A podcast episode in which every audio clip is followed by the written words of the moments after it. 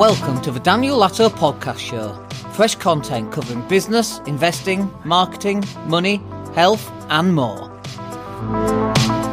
So we're just going to take uh, Bumble to go get an injection. She's got arthritis, so she has to have an injection, which helps every month.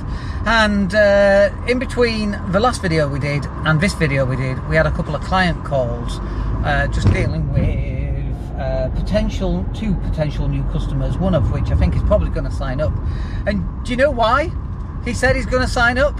He got on a call and he said, can't remember the exact words, but he said something like it feels like I already know who you are. It feels like I've known you for years. And the reason why it feels like he's known me for years is because he's consumed an awful lot of my content. I mean, it's amazing because it just ties into exactly what we're saying about content. You've got to put out more content, get people on a call. They already feel familiar with you. It's a very easy sales conversation. I mean, it wasn't even a sales conversation, really. It was okay, who are you? What are you after? What have you tried before? What's worked? What hasn't worked? What do you want us to do? And that's it. And it's a website and a sales funnel and following up uh, with emails and newsletters and posting content and video editing. Everything that we do for business owners to get them in front of more people, which is everything that we do for me to get me in front of more people. It's not different. We don't do different things for me than we do for our clients. We do exactly the same things. And because we do exactly the same things, we know what sort of results we're going to get. We also know, by the way, it takes time. It's not month one, you, you launch your website and then, wow, this guy's amazing, everyone's going to watch your videos. If only, if only that's how it, you, how it would work. It doesn't work like that.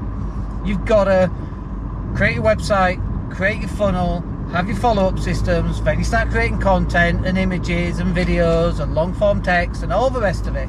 And then over a period of time, you see your traffic starting to increase and starting to grow, and then suddenly your um, appointment calendar starts to get busier, your phone starts to ring, your engagement starts to increase.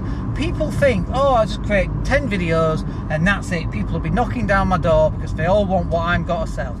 No one cares about you or what you've got to sell, they only care about themselves and the solution that they're looking for for their problem. That's it, that's all they're interested in. But like I say, if you're not there in front of them all the time, you ain't ever gonna get engagement, leads, phone calls, appointments. Starts with content.